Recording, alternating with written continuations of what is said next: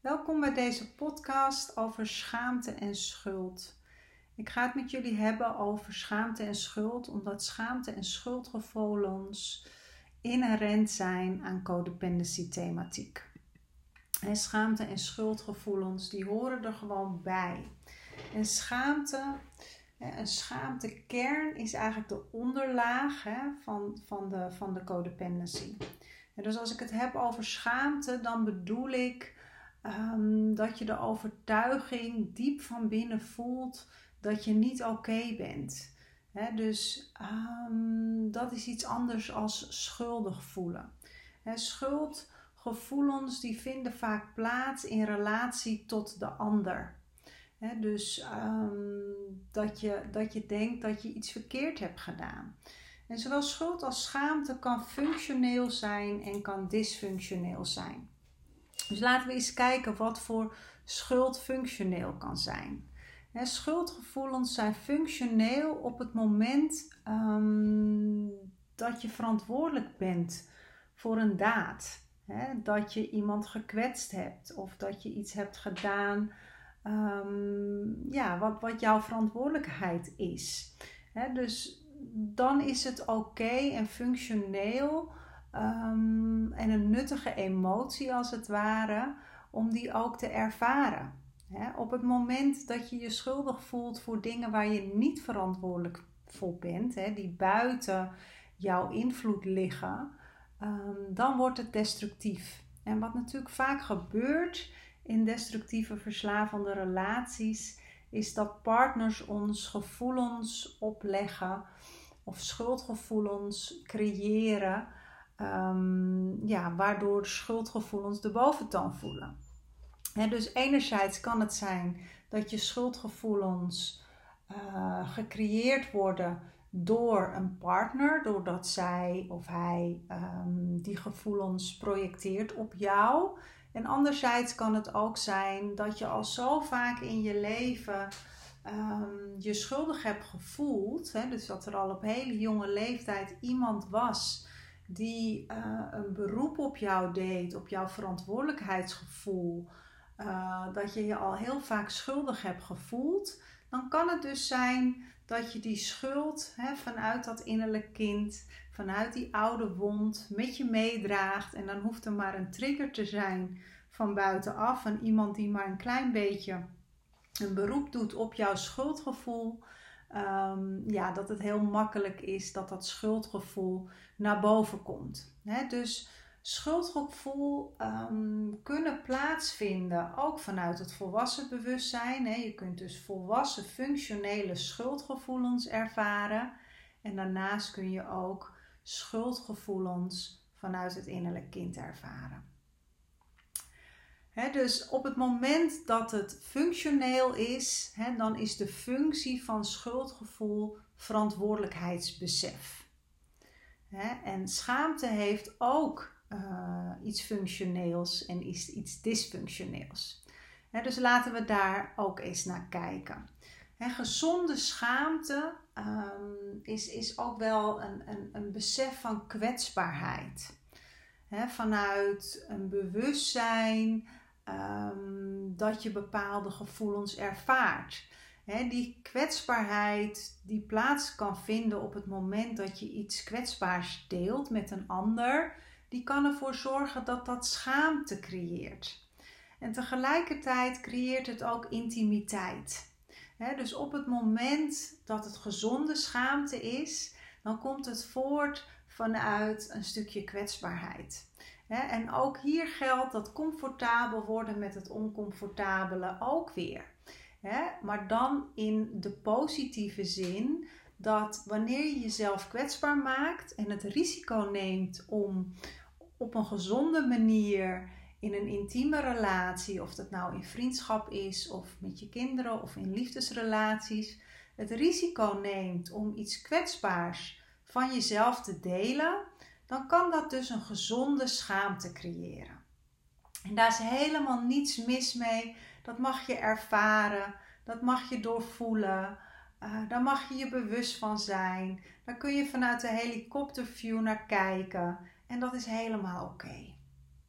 dus dat is schaamte die komt voort vanuit je volwassen deel, vanuit het volwassen autonome zelf of vanuit het volwassen bewustzijn. En dat is gezond. Nou, de tweede vorm van schaamte, hè, dat is de dysfunctionele vorm van schaamte. Ehm, dat gaat over afwijzing. Hè, ongezonde schaamte gaat over miskenning, over afwijzing en gaat intimiteit juist uit de weg. want op het moment dat je jezelf miskent, op het moment dat je jezelf afwijst, ehm, kun je niet meer echt vanuit kwetsbaarheid en vanuit openheid in contact staan met een ander. want dan staat dat kind aan het roer en dan wil je dat zoveel mogelijk verbloemen. die behoefte komt in ieder geval dan omhoog. Dat je uh, je eigen miskenning en je eigen afwijzing uh, uit de weg wil gaan. En dat je daar dan voor in de plaats een overlevingsstrategie wilt inzetten. Nou, dat kan natuurlijk van alles zijn. Een heel mooi begrip van Pia Melody is de zogenaamde schaamteaanval. En een schaamteaanval uh, wil dus zeggen, en let er maar eens op, hè, ik uh, heb het een tijdje bij mezelf ook geobserveerd, hoe vaak je jezelf kunt afwijzen op een dag. En uh, er zijn wel eens mensen bij mij in, in de workshop of op de groepsdagen die dat niet meteen bij zichzelf herkennen en denken dat ze geen last hebben van schaamte. En wanneer ze dan gaan onderzoeken, dan merken ze eigenlijk dat die schaamte zo bedekt kan zijn dat je hem op, in eerste instantie misschien niet meteen herkent. Uh, maar dat gebeurt dus al bijvoorbeeld um, wanneer je jezelf gaat vergelijken met een ander. Of um, wanneer je iets vergeten bent. Of denkt dat je misschien iets doms hebt gezegd. Of dat je anders had moeten reageren. iedere keer wanneer je aan jezelf twijfelt en denkt dat je iets verkeerd hebt gedaan, dan wordt die schaamtekern aangeraakt. En um, ik wil je uitnodigen om, om dat te onderzoeken en daar bewustzijn op te creëren, hoe vaak dat gebeurt. want op het moment dat er bewustzijn is op een bepaald gevoel, is dat altijd de eerste stap om um, het te, doorbreken. Dus onderzoek de schaamteaanval. In het Engels noemt ze het een shame attack. Hoe vaak die per dag en in welke vormen uh, die bij jou zich aandient. Goed, even kijken. Nou, wat veroorzaakt schaamte?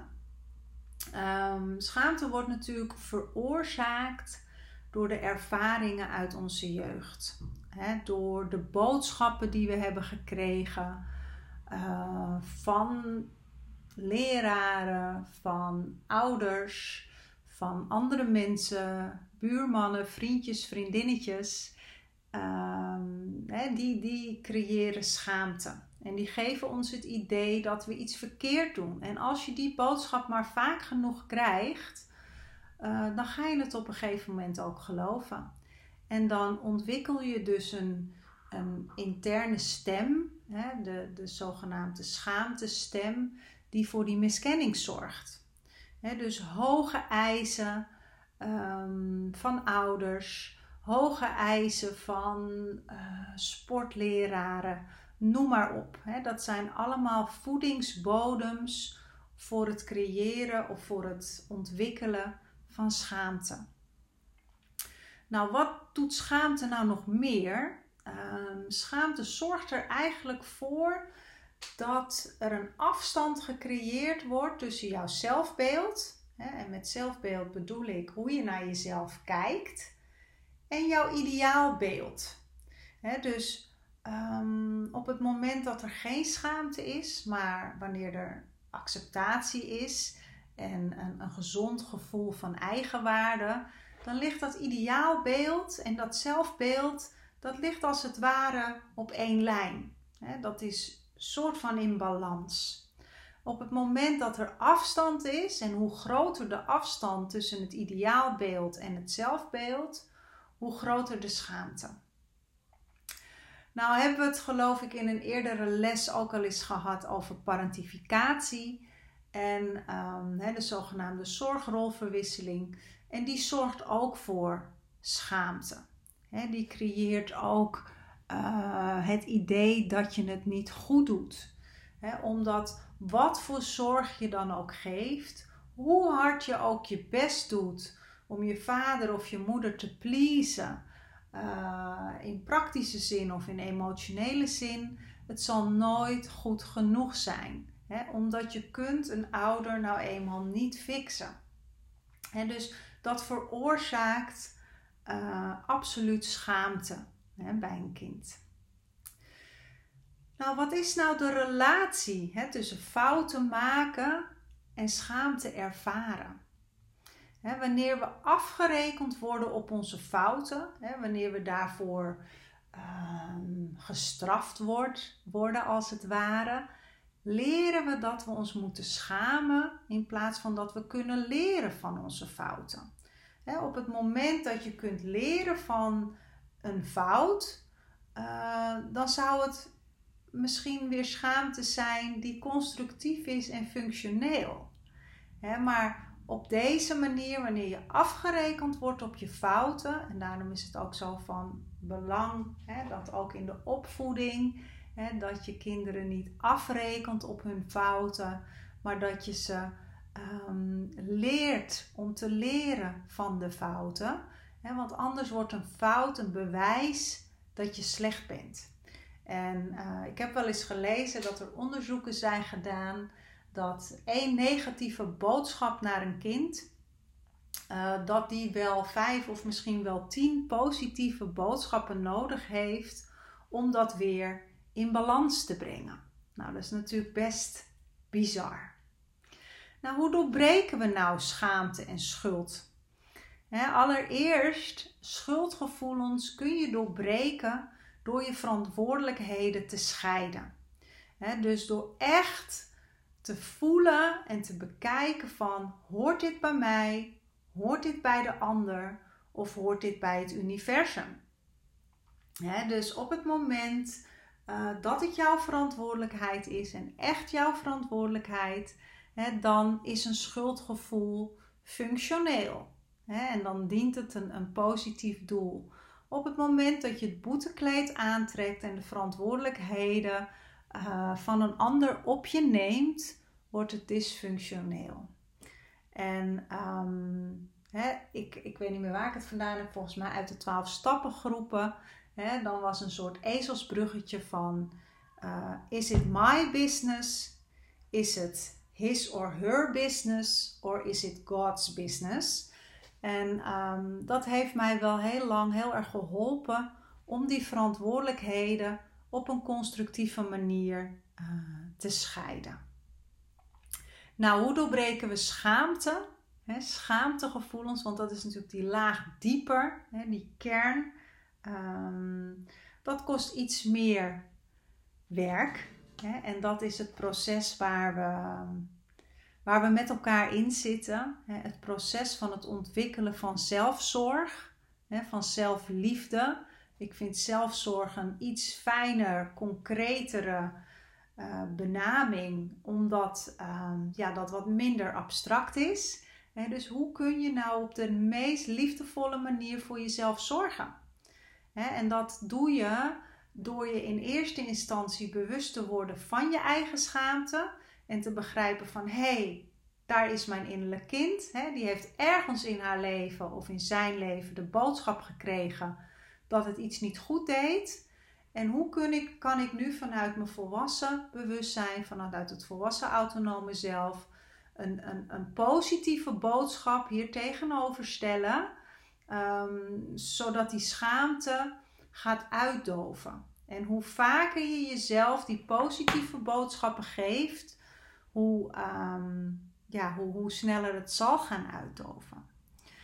dus als je vanuit je volwassenen jezelf die zelfzorg en die zelfliefde gaat geven, doe dat dan vanuit compassie, vanuit mededogen en vanuit vergeving, waarin we in een andere volgende les ook over zullen hebben. Ik heb een, uh, een opdracht voor jullie in deze training zitten. Um, die kun je erbij nemen. Het, de opdracht heet opruimen van oude patronen. En je hebt daarvoor vier bladen nodig. En um, nou, lees de opdracht rustig door en ga ermee aan de slag om jouw schaamte of jouw innerlijke criticus, hè, want die hoort er natuurlijk ook bij. Hè. Je innerlijke criticus is een uh, belichaming, zou ik bijna willen zeggen, van de schaamte. En de innerlijke criticus is natuurlijk ook een overlevingsstrategie. De innerlijke criticus heeft als doel om um, te zorgen dat jij voldoet, om te zorgen dat je je goed voelt over jezelf. En um, ja, die innerlijke criticus die is vaak ook geïnternaliseerd vanuit een kritische ouder. En um, ja, wees je daar bewust van, van wie die kritische stem is. En schrijf die boodschappen op. En als je erachter komt dat die kritische stem niet van jou is, maar van je vader of van je moeder, geef hem dan terug aan degene uh, van wie die is. Iedere keer wanneer die zich aandient. Goed, ga lekker aan de slag met de opdracht en uh, tot een volgend moment.